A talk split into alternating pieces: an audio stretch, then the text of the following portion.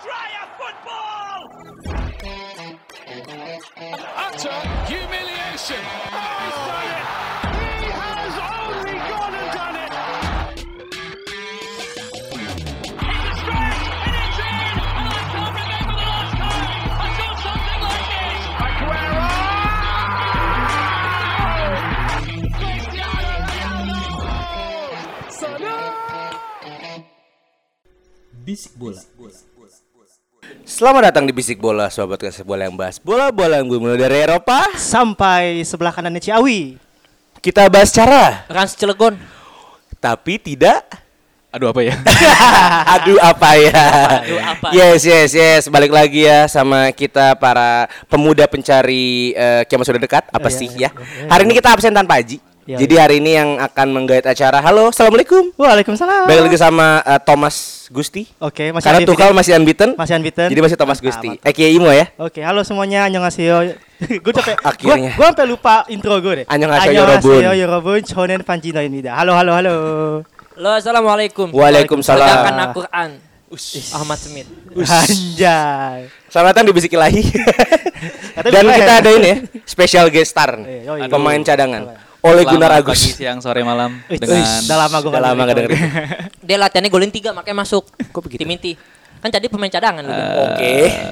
Ada Bang Agus ya? Agus Iya. Anugrah. Apa kabar semua guys? Alhamdulillah. Alhamdulillah. Akhirnya kita tag live ada Panji di sini. Yeay. Nah, ngomongin tag live, Ya. bridgingnya patah nih. ada kabar yang menarik nih, Aha. bahwa Sergio Aguero setelah kasak-kusuk nih, Ah. perpanjang atau tidak, ternyata berniat mengakhiri kontraknya nih Ya, guys betul. Hmm. di akhir musim ini. Tentu banyak dong kenangan-kenangan indah. Sampai bahkan di opening kita ada Aguero, Oh, ya kan? Saking iya. ikonik Aguero Ikonik. 2011 ya. 2012. 2012 yang golin di Gol KPR, gol penentu. Nah, gue mau nanya nih sama lolo semua nih, host-host bisik bola nih.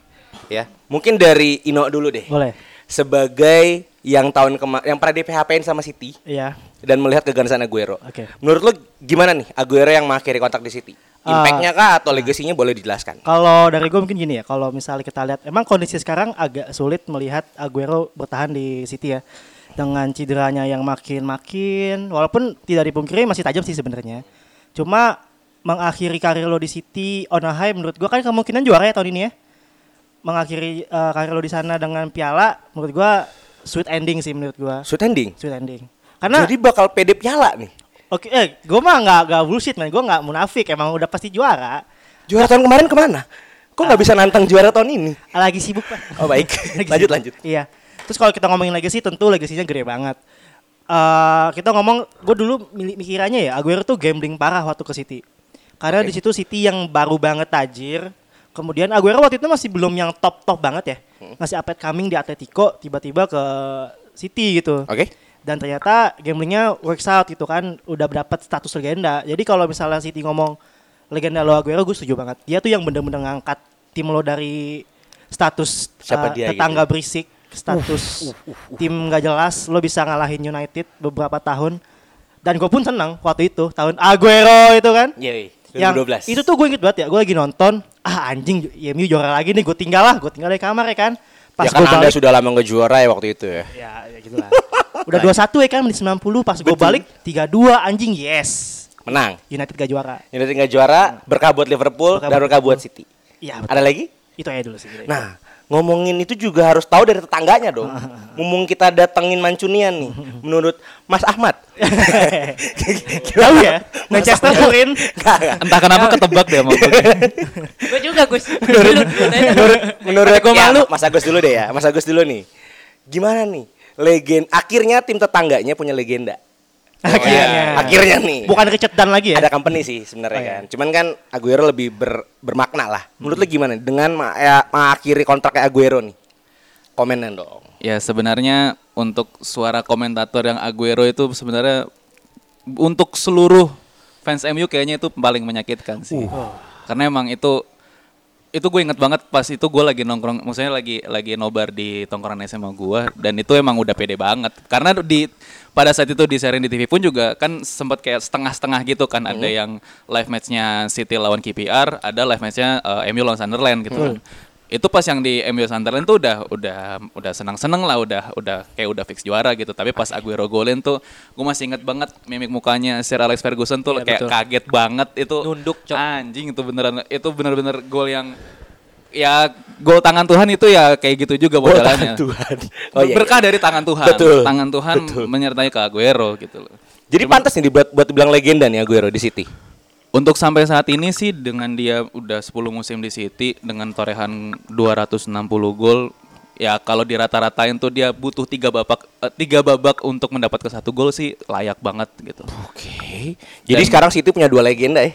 Company sama Aguero. Ya Alhamdulillah. Ada Ya. lagi Mas Agus?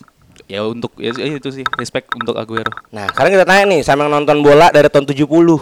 ya kan? Menurut lo nih Mit, ya, menurut lo dengan Aguero tidak berakhiri masa bolanya ya, mengakhiri karir bola di City, itu pilihan tepat atau enggak sih? pilihan tepat ketika dia pindah dari City ya. Yes. Itu pilihan tepat sih karena mau gimana pun regenerasinya City terlihat jelas. Jesus sudah mulai masuk. Be- beberapa rumor juga Halan akan masuk kan. Jadi ini pilihan tepat. Uh, Nah, statement ya, Halan masuk ya. ia mau. Oh, mau. Ya. Eh, ya benar kata Panji ada ada beberapa kontra maupun sesuatu hal yang di satu sisi akan menjadi kuburan dan di satu sisi menjadi sebuah eh, pesta. Ya di mana terletak du- 2012 itu kan. Kuburan untuk fans Manchester United dan pesta untuk Manchester City ini menandakan kalau memang sosok penting nih Guero plus dengan berakhir karirnya uh, berakhir uh, karirnya di Manchester City ini menjadi sebuah momok yang sangat menjanjikan karena karena datangnya dia menjadikan sebuah pesta di City dan berakhirnya dia menjadikan pesta juga untuk City. Jadi bagi gua City kali ini kehilangan seseorang yang memang punya mentalitas untuk juara tapi di balik itu semua City punya uh, beberapa sistem yang untuk meregenerasikan uh, pemain mudanya. Jadi berhak-berhak aja apalagi kan lu tahu City dengan duitnya bisa memanfaatkan segalanya. Itu sih bagi gue dan ke depannya ya Aguero siapa pun akan mau lah dia lah ya even dia cedera maupun gimana pun karena mentalitasnya itu yang akan selalu melekat untuk dirinya itu sih kalau gue. Gosip-gosipnya gue denger-denger katanya dia mau dibikinin patung tuh. Wow. Bertiga. Jadi dia, company sama Silva. Sama Silva, tetangga ya. Ah, iya. Tetangga Yang- ya. dan dan Iya. mungkin kalau nggak ada Pep Guardiola Yaya Toure juga akan dibikin patung sih Iya, sebenarnya. Oh, karena ada. Pep, ya ya akhirnya di, dicabut berarti. Iya. Berarti nggak nggak tahu ya mungkin Hmm, Berarti let's say sekarang City udah punya tiga icon nih, Iya, seperti MU ya. Bahkan bagi gue empat ya mo ya Sama Eh, Yaya? ya sama Yaya ya Johar nggak masuk. Loh, loh, loh, loh, loh, loh, loh, loh, loh, loh. Johar itu membangkitkan kiper Inggris waktu itu loh. tapi kan konsisten mo yang mesti dilihat Jadi kita akan anggap Johar legenda Torino aja ya. nah, kalau kita bicara masa depan Aguero nih, kan belum jelas nih klubnya mau ke mana. Isu-isu kabar sih mau ditandemin Sama. sama Lionel Oh. di Barcelona. Apalagi kan setelah kehilangan Suarez nih. Eh. Nah, menurut lo cocok nggak sih Aguero itu untuk main di Liga Spanyol? Um, kalau menurut gua, kalau misalnya emang Barcelona mau ngambil Aguero itu suatu move yang sangat bodoh. Wow, statement. Ah gini, asalnya gini. Satu, tua ya, tua. Walaupun emang bagus. Kedua, salary pasti gede banget. Dan cedera men. Dua tahun kebelakangan ini ada kali dia Jadi musim. berarti ya? Iya, emang emang udah fisiknya udah menurun banget.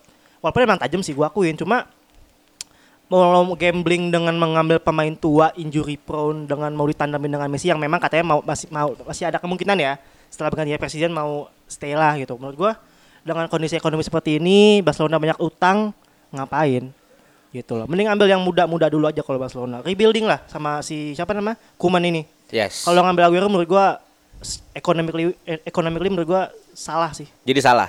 Eh, bukan mau salah ya. Maksudnya salah nih. Pilihan yang salah. Pilihan yang salah jangan. M- Kalau buat Aguero kalau menurut gue ya mending lo ke tim yang sehat deh, tim-tim MLS lah, MLS. Udah lalu santai aja, lo ambil liga yang nggak terlalu physically demanding sama nyari duit. Liga pensiunan berarti Ah, ya. kalau ya lo pulang ke Argentina lah. Uh, balik ke Argentina main di Argentina. nggak ada duitnya dong Iya itu sih. Nah, kalau menurut Ahmad nih, Mat. Ah. Kalau Semaji kan bilang Barca nggak cocok nih. Menurut lo nih, prediksi lo nih, dia kira-kira match itu bagus main di tim apa ya? Ah, tim kalau, tim mana? Iya, gitu? gue kasih. Jangan Juve ya. ya gini apa? eh gue sedikit kasih edukasi ya.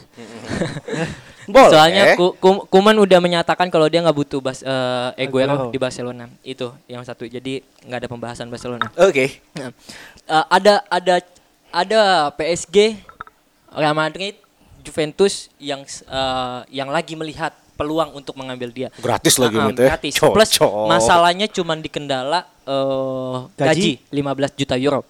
Ini Per tahun? memang per tahun. Plus juga akan ada bonus untuk tanda tangan dong ya. Eh, ini yang menjadi momok mengerikan untuk beberapa tim karena lagi masa pandemik ini ngeluarin duit 15 juta euro itu sesuatu hal yang besar. Nah, di mana pun dia bermain, eh, Espany- eh, di Spanyol mau di Prancis, apalagi di Prancis ya, notabene dia cuma punya masalah ya satu cederanya doang, masalah finishing mau nggak nggak usah bisa dibilang apa ya bisa dibilang udah udah udah punya lah dia kualitas itu. Nah, masalahnya PSG, Juve maupun Madrid eh, ini kan di, di, di, diisukan beberapa pemain yang lebih muda. Contoh Depay. Nah, berarti secara secara garis besar pemain muda akan menjanjikan banget dong untuk masuk. Nah, sekarang gimana peluangnya dia dan negosiasinya dia aja ke klub yang mana dia mau tuju dalam hal dalam hal permainan dia pasti akan bermain, tapi tim yang yang seperti apa yang bakal ngambil dia itu yang memang menjadi eh, tanda tanya besar sih dan sampai sekarang gue nggak melihat ada beberapa klub yang benar-benar signifikan mau mengejar dia banget sih Belum ada pergerakan. belum ada pergerakan banget Tapi kalau menurut lu yang paling tepat satu tim deh. paling tepat di satu tim ini bukannya gue bias Iya. tapi untuk fisiknya dia yang menurun Palermo kan? Liga Oh, sama Micoli. Liga gue bilang Liga Italia karena Oh, ada iya, salah iya. satunya Inter juga Liga Italia Merda Karena- ya? iya Merda karena mau ngambil. karena kita tahu posisinya dia tuh cakep banget dan dan Liga Italia butuh penyerang position tapi kalau dia mau berlari dan dia mau sedikit punya usaha lebih ya ke Spanyol maupun Liga Prancis sudah cocok tapi kan Untuk balik lagi fisiknya itu kan ya kalau dia masih mau mencari pundi-pundi gol dan cocok ya Liga Serie A cocok mau entah Juve maupun Inter lah Karena juga melihat Lukaku kan ketika dari Inggris ke Italia gacor lagi kan. Iya. Oke. Menurut Mas Agus nih, ya kan kan tadi Ahmad udah bilang bahwa di Italia cocok. Menurut lu nih Aguero nih lebih cocok main di klub apa nih? Sebagai pemerhati Aguero selama 10 tahun terakhir kan. Franz Si Cilegon. pemerhati. Diberikan pressure. Franz Cilegon? Enggak. Diberikan pressure. Kira-kira gimana nih Mas Agus nih? Aguero nih cocoknya nih. Ya, kalau ngelihat dari segi posisi kan sebenarnya dia tipikal pocher ulung lah ibaratnya. Eh, ya kita lihat kayak semacam pocher yang terdahulu kayak Pipo Inzaghi aja dia bisa survive sampai di usia berapa dia terakhir tuh? 30 39 39. Oh, tua ya? Anda belum nonton mungkin Belum. Karena mungkin kalau pocher kan tidak ada pressure untuk harus ngejar bola terus kan dalam artian dia ya gol-gol yang aneh-aneh pun juga bisa bisa terjadi gitu ya kayak waktu lawan Liverpool yang kemarin sudut sempit aja masih bisa dibikin gol sama dia gitu. Itu Liverpool sih Bang yang emang agak bermasalah. Love mungkin. friend sih lebih tepatnya Betul. waktu itu bermasalah ya. Cuman kayaknya sih untuk dari cara bermainnya dia sih gue aduh gue pengen ngomong setuju sama Ed Smith takutnya itu lagi ya. Itu harus di agak, agak dikurangin ya, agak dikurangin. Cuman emang kalau untuk ke Liga Italia sih dia masih sangat cocok dan kalau balik ke Spanyol pun juga masih cocok. Kalau misalkan eh, ke sesama Inggris kayaknya mungkin dari sisi apa ya? eh, normanya Ya, mungkin ya. agak-agak gimana ya dari City dia udah sampai katanya mau dibikin patung segala kan. Betul. Kayak mungkin atau mungkin dia mau mencoba ke Jerman ya masih bisa Keras terpakai juga sih. ya. Kayak sih untuk di semua klub atau misalkan di beberapa klub kayak masih bisa sih dia untuk kapasitas dia sebagai pocher ya. Berarti Ya. Aguero masih punya kualitas sebenarnya. Masih punya kualitas. Cuman mungkin pindah dari City karena mungkin udah buat regenerasi mungkin. Betul. Iya. Oke. Nah, kalau bicara icon klub atau seorang pemain yang ninggalin klub setelah sekian lama, banyak dong contohnya. For example nih kayak yang menurut gue agak membekas, Uston Nawawi kan? itu siapa ya? Persibaya Surabaya. Baru pengen ngomong Ya, BP ke pers, ke? Taufik. Pelita Jaya. M Taufik ya cocok. Oh Taufik. Eh, kangen kan dengan bola Indonesia? Tunggu ya, bisa goreng ntar dari bor katanya. ya? Ada, Nah, ada. kalau kita bicara balik lagi nih ke topik bahwa pemain yang sudah lama di klub dan akhirnya pindah, itu kan banyak banget contohnya. Contoh kecil itu Iker Casillas nih, Nah, icon Real Madrid dan juga kiper. Sehingga gue tidak pendek ya, kecil. menjadi untuk- untuk- untuk kiper. yang kecil gitu Sweeper. kan. 180-an. Sweeper kiper. Nah, eh, Iker Casillas kan pindah dari Madrid ke Porto dan agak nge-build Porto ya, agak ngenaikin Porto nggak sih Iker Casillas? Sebetulnya emang udah gede sih Porto di Portugal ya. di Portugal, Ya. cuman kan di Liga Champions juga udah mulai Di bicara banyak. lah ya. Nah, kalau menurut kalian nih, kira-kira ada nggak sih pemain yang udah ninggalin klub lamanya Hmm. dan itu membekas gitu loh, membekas dan punya legacy yang yang yang yang sangat membekas itu dari kalian. Ah. Boleh nggak sih sebutin satu pemain dan kenapa lo milih pemain ini nih, yang Ya. dianggap dianggap seperti Aguero lah, ninggalin legacy yang cukup baik. Ya kalau kita ngomongin gitu mah sebenarnya Pasti Gerrard, lanjut. Contohnya banyak ya. Iya, Lu bisa betul. nyebutin beberapa ada Gerrard, ada Lampard, ada Mhm. John Terry gitu kan yang nyalin klubnya tapi nggak langsung, langsung pensiun masih main di Oke. mana gitu kan cuma sebentar. Ya mungkin kalau gua karena gua Liverpool ya gua akan nyebut Steven Gerrard itu kan. Hmm. Dengan ya walaupun apa ya bitter ending ya. Waktu itu pertandingan terakhir dibantai Stoke City 6 Oh, tapi pensiun kan? enggak ke MLS. Oh iya. iya. LA Galaxy men. Oh iya benar LA Galaxy. Semusim doang. Aku lupa. Dan di LA Galaxy dia ngocak-ngacirin MLS. Pemain seperti Steven Gerrard yang udah agak lamban cuma rely sama passing sama shooting aja masih bisa buat gol lebih dari 5 di MLS. Itu kan Berarti kita lihat sebagai sesantai itu ya? se- bukan sesantai itu sih emang standar permainannya aja yang nggak terlalu tinggi gitu kan nggak terlalu demanding. Maka tadi gue bilang cobalah Aguero dengan liga yang tidak terlalu physically demanding ke MLS aja. Lo lo ngumpulin duit aja buat masa tua lo gitu. Tapi dengan kualitas yang di tadi Bang Agus statement, Ya. Aguero masih bisa cocok loh main di Harusnya Eropa. sih lebih kalau buat di Eropa gue setuju masih kuat. Cuma masalahnya klub-klub Eropa ini mau ngeluarin duit gak buat salarinya dia. Oke, berarti contohnya Stevie G ya. Stevie G. Yang agak berkesan punya legacy. Udah bukan agak berkesan lagi, berkesan banget lah men. Gile lo. Tapi kan selama kaptennya dia tidak juara Liga Inggris. Lanjut ke Bang. Agus ya. Anjing. Contohnya nih ya. Congkak. Eh dia juara Ini liga bro. panjang ya ternyata punchline-nya. Dia juara liga bro. Kan nggak kapten. Iya sih, kan pelatih, nggak sih, kapten. pelatih sih. Udah lu ngelawan aja. Nah, kalau Bang Agus nih, sebutin Bang satu pemain yang eh, seperti Aguero, mungkin agak nge-build tim dan punya legacy cukup cukup baik. Siapa nih Bang yang berkesan di otak lo nih? Eh, sebenarnya kalau untuk kayak legacy gitu kan ada beberapa faktor yang bikin dia jadi legacy ya. Kalau mungkin kalau mungkin Aguero itu mungkin legasinya dibuat dari gol yang dia ciptain gitu loh. Ada yang dari segi loyalitasnya kepada tim tersebut ya kayak Stevie G, kayak mungkin eh, Totti, De Rossi, kayak ya Casillas juga termasuk. Philip. Lam bro, jangan lupa. Philip Philip Lam, Lam. Walau ya dia membuat legasinya itu berdasarkan dari loyalitas dia kepada tim tersebut gitu loh. Ya kalau misalkan Aguero ya kalau yang berkesan gimana tadi sorry pertanyaannya? Ya maksudnya yang punya legacy cukup baik dan akhirnya ya harus ninggalin timnya gitu. Yang menurut lo kayak wah ini emang dia co- uh, yang terlalu top of mind gue deh kalau bicara pemain yang punya legacy cukup baik di klubnya gitu loh. Kalau gue sih ngeliatnya gini ya, rata-rata kalau misalkan dia dia punya legacy, terus dia cabut dan pindah, rata-rata sih drop. Oh yes. Kecuali kalau yang pensiun ya kayak mungkin eh, kalau Stevie G kan dia kayak MLS. Drop dalam artian ya tidak sementereng di klub sebelumnya Oke. gitu loh. Kayak kalau misalkan Ryan Giggs kan emang dia pensiun. Kalau mungkin kayak ya De Rossi aja ke Boca juga nggak nggak segitunya banget Nggak terlalu kan. gigit ya? Nggak bak- ya kayak Del Piero ke dia langsung ke Australia. Sydney. Aus- Australia. Ya langsung ke Australia juga nggak sementereng sebelumnya gitu loh. Karena yang sinar yang sebelumnya tuh lebih lebih lebih gede spotlightnya gitu loh daripada yang di yang setelahnya gitu. Oke. Ya kalau untuk pemain yang mungkin kalau bisa gue lihat kayak ya kayak Del Piero sih. Jadi Untuk ketika pindah meredup gitu ya. takut yang ditakutkan seperti itu. Tapi karena kalau misalkan dia pindah ke Eropa lagi pun juga apa ya? Dia masih top of mind di orang-orang tuh dia masih pemain yang sebelumnya gitu loh. Masih di klub yang sebelumnya di City gitu. Oke. Oh tadi karena udah mention Del Piero nih ada anaknya Del Piero nih bang mau marah-marah nih. Emang itu gue emang bridging khusus langsung Gue ke dia cocok. gitu. Silakan loh, Mas Ahmad nih. Kenapa Del Piero bisa dikatakan gagal di Adelaide? Di Adelaide ya waktu itu ya? Eh, Sydney. Eh, Sydney, Sydney FC. gue gue nggak mau ngebahas tentang eh, Del Piero, De Rossi. Memang dia pure karena cinta ke klub dan royalitas yang nggak mau satu panggung ke, ke- melawan tim eh, timnya dia yang dikasihi Roma maupun eh, Juventus. Tapi momok mengerikan gue beban tersendirinya gue ketika gue menyebut pemain yang punya legacy besar di klub sebelumnya dan mampu punya legacy besar juga di klub selanjutnya. Boleh gue tebak? Siapa? Pirlo. Bukan. Oh bukan.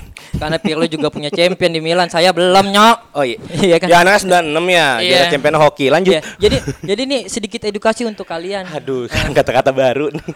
Ya karena kalau akan gue nyebut Batistuta apa yang di otak kalian? Ini Gondrong. petani jeruk. Heeh. Gondrong. Petani jeruk. heeh. Gondrong. Apa? I'm flying, Gondrong. I'm flying. Agus Fiorentina. Fiorentina. Fiorentina.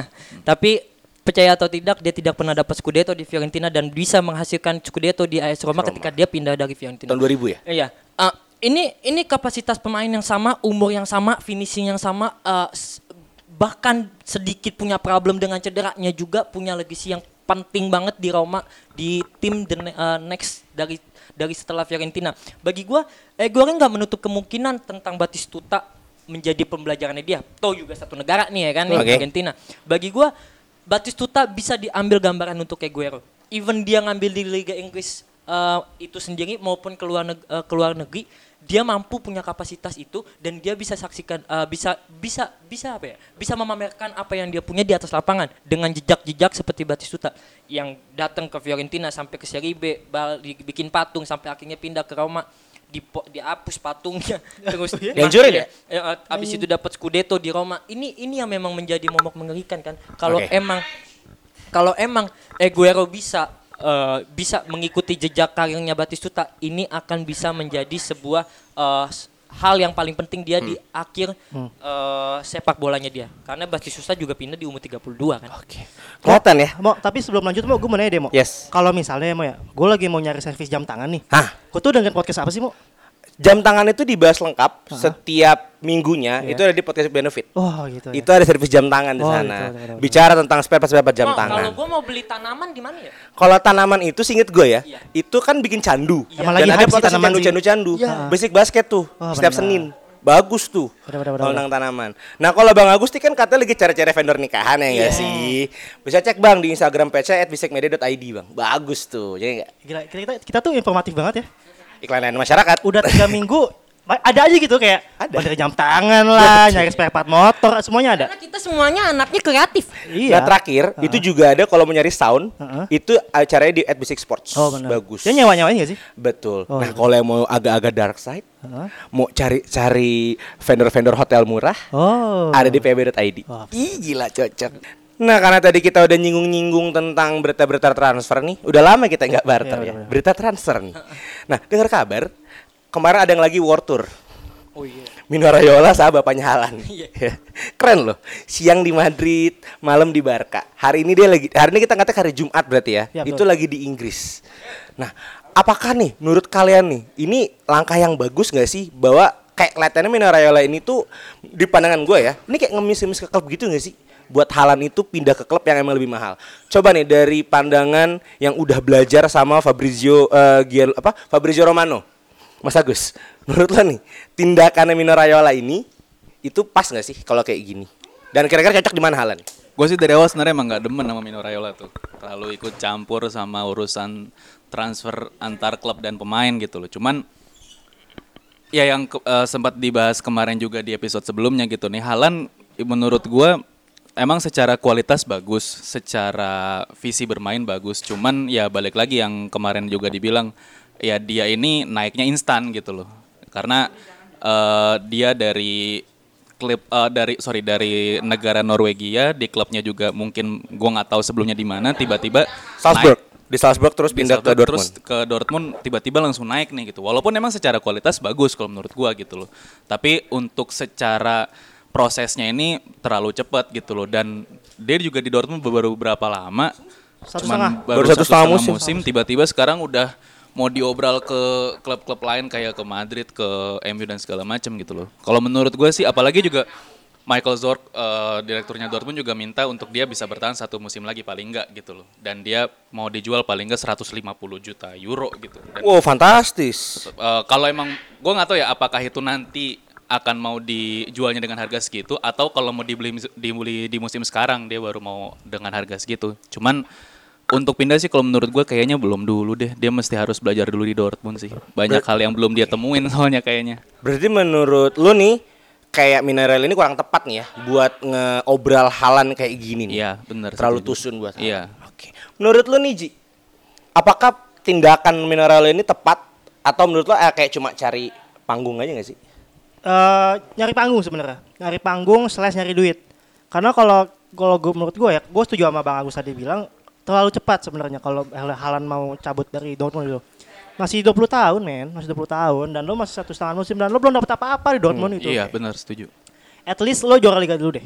Oh, lo ngalahin Munchen dulu deh. Kan gak ada klub di Dortmund jadi gak akan juara liga dong. Eh. Wih, emang klub gitu sih dia spesial satu tahun. anjing Nggak, Aku jadi suka menyerang Liverpool. kembali ke alam menurut gue emang kalau misalnya dia mau cabut di musim ini pertama tahu cepat kedua terlalu mahal ketiga ada nggak sih klub mau keluarin duit segede itu di masa pandemi seperti ini Ada ada sih cuma Abramovich. gini deh kita kalau ngomong Itu serius itu serius. iya bisa cuma serius. kan bisa ngutang pinter dikit gitu loh Betul. lagi gini gitu susah, sus dapat duitnya susah lo juga get gak dapet kok lo rely sama hak siar juga nggak seberapa gitu kan kalau menurut gue emang jangan dulu kalau buat Halan mah tunggu dua tahun tiga tahun lagi lah gitu lo klub Dua sampai tiga tahun lagi. dua dua lah umur dua dua umur dua Dua-dua baru pindah. pindah lah kali Berarti me- udah dewasa ya. Iya, udah boleh minum alkohol tuh Halan nih baru Ke boleh pindah. Hah, Liverpool lagi. Nggak cocok Nggak lah, ente, intinya udah. kalau misalnya emang dia mau pindah ke Inggris, Chelsea. nggak tahu. Kayak ke. Fulham ya. Hah? Ke Fulham mungkin. Norwich? nah, menurut lu nih, Mit. Tindakan Mino lu kan eh, klub lu Juventus nih. Akrab banget sama Mino Raiola kan. Nah, menurut lu nih, Mino Raiola tindakan dia kemarin keliling dunia ya, pindah-pindah klub itu tepat nggak sih buat seorang Halan? Eh, Kan ada statement dari Bang Agus terlalu cepat, Panji juga Bang terlalu cepat. Menurut lu gimana? Gini, bagi gue tepat untuk hal um, Minoreola lah, karena dia agen, sales. Nyari dia, duit. dia iya, dia butuh pemasukan dengan dia eh, menjual properti apa yang dia pegang, yaitu Halan. Nggak cuman Halan kok, kalau lu tahu Donnarumma. Donnarumma juga putus kontraknya untuk musim ini. Plus dia minta duit 25 juta ketika ada klub yang mau ngambil Donnarumma. Ini strategi bisnis, ini industri, Cok. Nah, semua berbaru dengan duit. Bahkan agen pun. Nah, maksud gua dengan Halan datang ke Barca, ke Real Madrid tidak menjatuhkan harga dirinya dia sebagai pemain dan sebagai profesional pemain muda yang lagi bagus-bagusnya nih, properti mahal. Eh, mungkin udah saatnya Halan pindah ke klub yang memang punya kualitas lebih. Karena kita tahu Dortmund itu kan gudang pemain muda yang siap untuk dijual. Betul. Jadi ketika memang properti lagi mahal kayak gini, plus udah dipatokin harganya, mohon maaf nih ya gue saya salah, 180 juta euro. Jadi Halan udah siap untuk untuk untuk dijual oleh Borussia Dortmund dan dan dengan harga segitu Dortmund Dortmund dapat apa sih? Beli tai jual emas, Cok. Beli tai jual emas. Iya kan? Tapi kan pindahnya Halan juga mahal tuh, gue 60 juta 70 juta waktu itu. Hmm, 30 juta. 30 ya? Hmm, 30, 40 ya? 30 juta. Se- Setidaknya dia punya duit 150 juta untuk dia dapetin eh, duit dari penjualan Halan. Ini salah satu strategi bisnis dari Borussia Dortmund. Dan bagi gue Halan dengan mentalitasnya, dengan memang lagi tinggi-tingginya banget pressure-nya dia eh, kancah sepak bola melihat dia Icon lah ya. sebagai iya sebagai pesaingnya Bape ini udah saatnya pindah. Bape udah ada di PSG yang memang siap dengan pemain-pemain bagusnya. Bahkan eh, Haaland masih main di Borussia Dortmund dengan beberapa pemain kualitas muda, tapi untuk mem, mem- apa ya? Tim itu kan mengasih pamor yang lebih. Contoh pindahnya Ronaldo ke Madrid, gimana berkelasnya dia? Eh, pindahnya Ronaldo ke MU, gimana berkelasnya dia? Ini yang dibutuhkan eh, oleh Haaland, mentalitas dari tim yang dia eh, akan selalu akan selalu terjaga buat dia dan apalagi konsistennya. Dan dan bagi gua Dortmund nggak punya eh, sejarah dalam hal untuk selalu juara. Itu kan sangat melempem sangat sangat tidak halan banget bagi bagi Minoreola kan. Dan makanya dengan disajikannya halan di London Es- eh, Katalan maupun Spanyol itu menjanjikan atau tidak menjual properti yang memang siap untuk dibeli oleh tim-tim bagus. Tapi gini, kalau Halan stay di Dortmund, apakah talentanya nggak terkubur gitu loh. Mit, di Borussia Dortmund? Ada yang mungkin mau masuk? Menurut gua enggak sih, karena gini. Dortmund itu tempat belajarnya sangat bagus buat Halan. Gini, dia masih umur 20 tahun, jangan sampai di umur segini dia pindah ke klub yang bisa dibilang eh, klub A tier ya, yang emang emang gede banget dengan pressure tinggi. Jadi egonya tinggi. Karena ada beberapa pemain gini ya, Halan itu menurut gua saat ini masih down to earth banget. Lo tonton deh interviewnya dia. Singkat banget gak ada Yang sama cewek itu dia yoga. Di mana Oh bukan ya? Bukan itu ya? Sorry sorry. Visualnya bagus guys. Di Visualnya bagus. di mana pun dia selalu bilang, ah, gue coba pengen menang, gue coba pengen buat gol. That's it gitu. Oh. Jangan sampai dia ke klub yang lebih gede di umur segini dengan immense pressure yang tinggi banget. Kayak ibarat kata kayak Robinho zaman di Madrid. Umur muda, udah main ke sana, pressure-nya gede, Hancur. akhirnya, nggak perform. Bukan maksud gua Haaland tidak akan perform di sana gitu kan. Cuma menurut gua keep it low dulu lah di Dortmund lah, belajar dulu lah. Baru nanti umur 23 24 baru lo pindah deh, silahkan carilah klub yang emang bisa gue kan pada akhirnya kan pemain ingin menang piala gitu kan jangan kayak Harry Kane gitu kok jadi Harry Kane Nggak apa-apa. Ya Harry Kane stuck di Tottenham Hotspur gak menang apa-apa gitu. Ya tapi kalau lu mesti tahu juga Ronaldo pindah dari Sporting Lisbon. eh, Lisbon untuk be- menghasilkan apa? Beda dong. Nah, itu beda ketika Hai. lu lu beda lu beda ketika lu udah melihat Ronaldo berkelas. Gini gini gini. Saat case ya. itu? Different, Hmm, pertengkaran. case ya. Di saat Sporting Lisbon, eh, saat United beli Sporting Lisbon, spotlight Ronaldo tuh nggak segede spotlight Haaland sekarang. Setuju, benar. Oke. Jadi pressure-nya dia di situ nggak terlalu gede. Di United pun dia nggak langsung main kok. Gue inget banget kok masih masih bench banget, masih bench. Gol pertamanya kalau nggak salah Arsenal ya kalau nggak salah. Gue lupa lah. Cuma di awal-awal Ronaldo di United pun dia nggak langsung starting. Beda sama Haaland nih. Ini proyeksi gue ya. Kalau misalnya emang dia pindah di summer ini ke klub mana pun itu dia akan di starting. Oke. Dan pressure-nya akan lebih besar. Pilihan utama lah. Iya, pasti. Ah, gini, Ronaldo datang ke Manchester Manchester United, eh, dia menjadi starting line up di Sporting Lisbon. Itu udah mutlak. Tapi memang posisinya dong yang kenapa nggak terlalu high, terlalu eh, dilihat media karena posisinya dia sebagai winger. Ya. Plus dia punya punya permainan yang olah bola skill eh skill bola yang sangat memukau. Dan kayak di tahun-tahun segitu winger nggak terlalu diperhatiin. Nah, ini bedanya Halan maupun Bape. Dia memang pemain finishing yang kuat, yang memang mutlak sekarang modern apa eh, sepak bola modern mesti banget memainkan peran penting dalam hal gol. Nah, ini yang make, yang bikin mereka pamornya naik. Jadi bagi gua ketika Halan pindah ke tim-tim besar tidak akan mengurangkan mentalitasnya dia, malah malah mem- memacu dirinya dia untuk selalu memenang. Contohnya, dia pindah nggak usah nggak usah jauh-jauh deh ke Bayern Munchen. Pasti dalam beberapa mindsetnya dia dalam hal kemenangan, gimana itu cara dia menjaga dirinya, tubuhnya, kesehatannya akan lebih tinggi. Oke. Akan lebih tinggi karena nggak akan cuman datang sebagai starting line up, datang dengan harga murah, starting eh de- dengan harga Mahal. mahal, starting line up udah. Tim akan berikut campur dalam hal psikisnya dia, mentalnya dia, kegairahannya dia dalam hal sepak bola itu tim tim besar itu yang punya secara secara gini deh secara diri kita main di Dortmund sama di Madrid secara ego lu lu pasti mental lu lebih kuat ketika lu main di Madrid dong Tapi let me talk about Vinicius Junior loh, Mit. Mm-mm. Vinicius pun juga agak fail nih Yeah. ketika pindah ke Madrid Yeah. di usia sangat muda. Mm-mm. Apakah hal bisa jadi kayak gitu? Vinicius datang dari Liga Brazil yang Betul. notabene pindah ke Eropa itu sangat jauh kalau lu mau lihat Benzema Oke, Benzema. Benzema ketika dari, Dari Lyon, Lyon, ya? iya dari Lyon datang bersama kakak dan Ronaldo sekarang lu lihat kayak gimana Terakhir sih masih ada di Madrid. Iya kan? Dan memang punya kualitas. Even dia bukan finishing yang baik, tapi setidaknya dia punya kualitas untuk menyamai kedudukan Ronaldo maupun Bale di saat Oh, sekarang. Benzema kedudukan waktu itu sama Ronaldo. Iyalah. ya maksud gua, maksud gua uh, Haaland dengan sekarang pindah ke mana pun tidak akan mengurangi uh, kapasitasnya dia. Memang pasti akan ada beban dan itu yang mesti dibutuhkan sepak bola profesional. Beban. Oke, beban. Nah, menurut Mas Agus nih, sebagai sahabat Halan ketika TK, menurut Mas Agus Waduh. gimana nih? Aku umurnya nih? enam. Haaland umurnya berapa? TK. Perpindahan Halan gimana Mas Agus? Nggak, eh, sebelum ngomongin itu kita breakdown dulu satu-satu. Kemarin Oke. Rayola itu ke Barcelona, Ya, ke Madrid. Madrid. Sekarang di Inggris. Sekarang di Inggris ke eh, United, ke City dan ke Chelsea. Ya. Sekarang kalau mau di breakdown satu-satu ya, kalau ke Barcelona kita tahu dia baru ganti presiden dan sekarang lagi mencoba untuk ya naik lagi dalam artian finansialnya gitu kan ya hampir bangkrut dan segala macem. Ya emang ini eh, salah satu proyeksinya Laporta sebagai presiden baru ya pengen mendatangkan Halan gitu. Cuman kan dari segi kebutuhannya gu- kalau secara gue pribadi kayaknya belum terlalu untuk membutuhkan seorang Halan gitu loh. Oke. Better eh, leb- eh, memproyeksikan yang masih ada dulu kayak Trincao juga masih bagus Yes. gitu loh.